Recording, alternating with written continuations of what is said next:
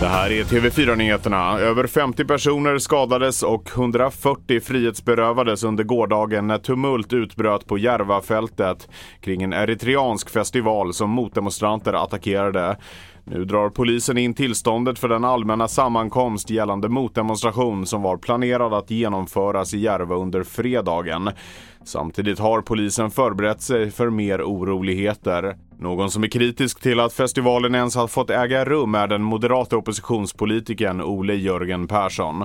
Ja, det, det, är ju här lite av problemet ligger och varför jag menar också att den här festivalen inte borde ha arrangerats överhuvudtaget eller fått tillåtelse till att arrangeras. Så det är ju för att man eh, helt uppenbart inte eh, har kunnat garantera säkerheten för, för, eh, för medborgarna i området.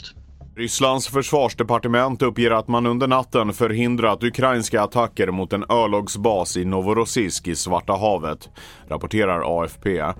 Basen är bland annat ett viktigt nav för rysk export av olja. Man säger också att man skjutit ner 13 drönare över Krimhalvön. Det finns inga uppgifter om att någon person ska ha kommit till skada.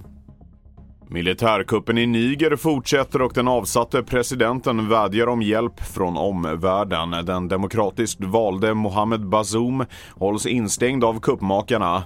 Men från fångenskapen skriver han i Washington Post att kuppen innebär ett hårt slag mot terrorbekämpningen i Sahel och att den riskerar att ge den ryska Wagnergruppen fritt spelrum i regionen.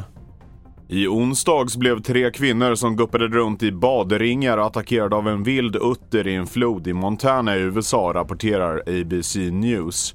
En av kvinnorna fick föras till sjukhus med ambulanshelikopter. Kvinnorna har i förhör uppgett att de fick syn på en eller två uttrar i vattnet innan ett av djuren gick till attack. Efter attacken simmade både kvinnorna och uttern iväg. Mer nyheter hittar du på tv4.se.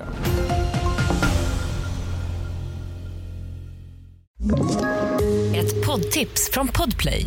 I fallen jag aldrig glömmer djupdyker Hasse Aro i arbetet bakom några av Sveriges mest uppseendeväckande brottsutredningar. Går vi in med hemlig telefonavlyssning och, och då upplever vi att vi får en total förändring av hans beteende. Vad är det som händer nu? Vem är det som läcker?